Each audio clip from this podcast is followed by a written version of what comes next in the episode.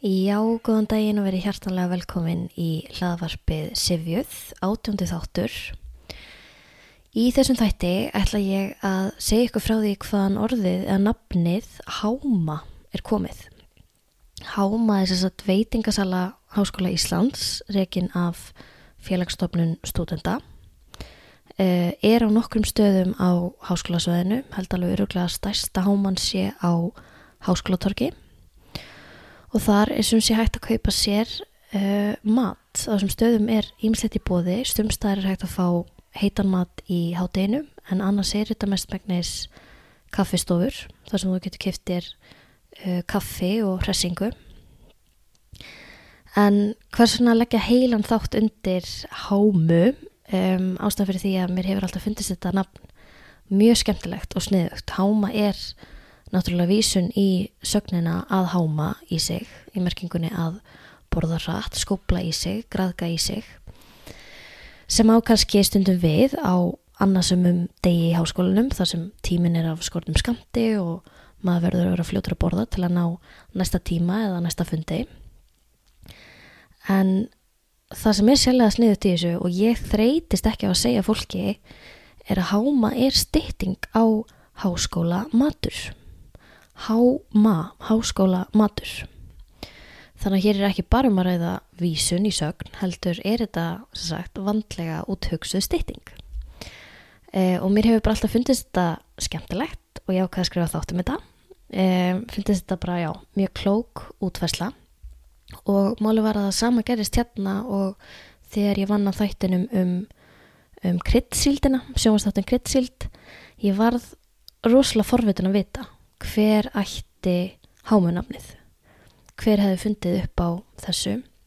Þannig að ég fór í þetta svona svipaðan leðungur og þegar ég leitaði að uppruna kreitsildarinnar og það má kannski segja svona að þetta sé aftur núna mitt framlag til fræðana orðsefjafræðina vegna þess að það er ekkert hægt að fletta þessu upp í orðsefjabók áskisblöndals eða, eða einu svona googla þetta að finna þetta á netinu þannig að Þannig að uh, hér ákvað ég að hefja leðangur, tók mig til, sendi nokkur tölvuposta, ringdi nokkur símtöl og það er skemst frá því að segja að ég hafði upp á orðsmiðnum. Það sem ég byrjaði að gera var að ég sendi post á félagsstofnun stúdenda sem er ykkur hámu. Þar fekk ég góða móttökur hjá góðum konum og um, þær bendur mér að konu sem bendur mér að konu og úrvarð sem sagt að ég fann orðsmiðin. Orðsmiðurinn er hönnuðurinn Greta Guðmundsdóttir. Hún á þetta nafn Háma. Um, því náði samband við hana þá var hún í algjöri afsleppun í frí í útlundum en hún fjálst samt á að tala við mig og um, hér hafiði það samtal.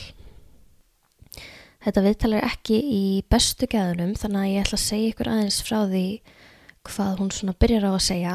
Eh, hún segir semst að það var ekkið auglýsingastofuna Plánituna með Dilja og Þórhaldsdóttur og um, á þeim tíma sem verið er að byggja háskólatorg 2005-2006 þá hafði félagsstafnun stúdendasamband vildi koma upp matsölustad sem, sem var á þess herra planin hafði áður verið og það kom í hlut þessar auðlýsingastofu að finna meðal annars nafn á þennan nýja stað.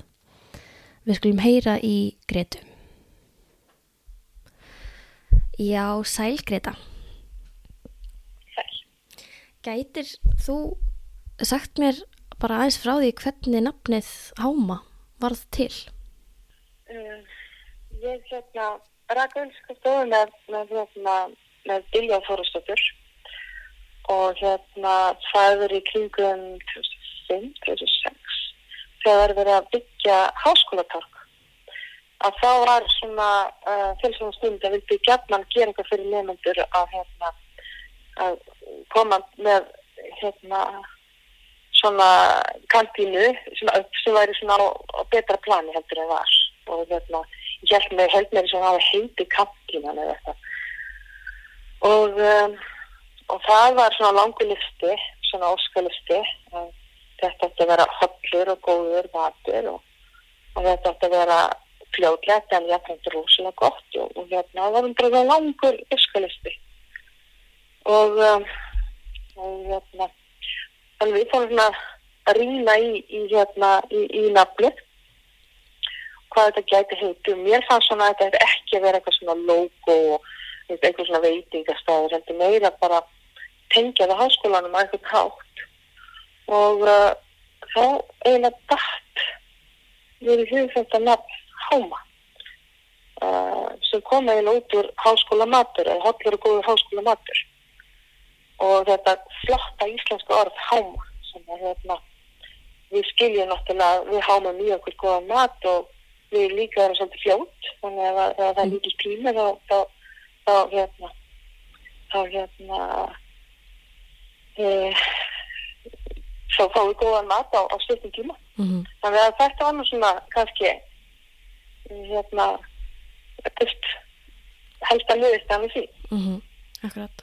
Og svo kannski langar mig bara líka til að vita hvort þið finnst ekki aldrei merkilegt að eitthvað sem að verður til í þínum huga um, um, orð verður til eftir þig og það er eitthvað sem fólk á háskólasvæðinu tekur sér í munn þegar það eru svangt og þyrst og bara er notað á háskólasvæðinu oft á dag. Hvernig, hvernig er það að, að byrja ábyrð á þessu?